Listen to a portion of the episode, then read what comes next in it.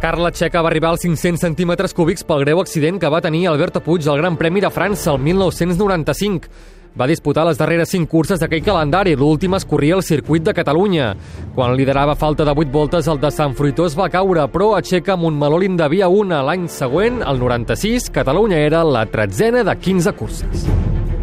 A aquell dia, Cribella i Duhan van tenir un bonic duel particular per la segona posició, perquè Checa de seguida es va escapar i va creuar meta amb 6 segons d'avantatge. Checa, el programa La Jornada de Catalunya Ràdio. Sí, ha sigut una diferència molt gran, jo no m'ho esperava, però bé, hem fet una gran feina, tot l'equip, i jo he corregut amb tota la concentració que podia, sense cometre errors, i llavors s'ha vist reflectit al final de la cursa. Checa va saber aprofitar el moment en què es parlava sobretot de Cribiller per aconseguir la seva primera de dues victòries dels 500 centímetres cúbics. Els mitjans informatius han parlat molt de Cribi, pensaven doncs, que, que la victòria seria fàcil per ell difícil per mi, però bé, no ha sigut així, no? és la manera que se'n donin compte. Clar, d'aquesta manera contribueixes a que a partir d'ara no només es parli de Cribiller, sinó que es parli de Cribiller Checa o de Checa i Cribiller. En una cursa no es guanya, no?, la credibilitat.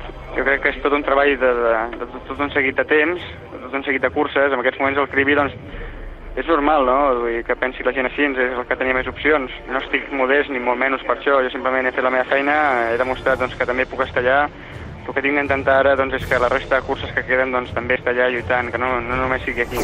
A aquell dia al podi no sonarien els segadors, però sí durant la volta d'honor, en què el de Sant Fruitós va passejar la senyera. This man, as far as he's concerned, is king of the world. Carlos Checa, a Catalonian, has won the Catalonian Grand Prix and he's got his choice of flags and he waves the Catalonian flag. La veritat és que no ho he sentit. No sé, tampoc li vull donar importància a això, no? Jo he guanyat i és el que compta.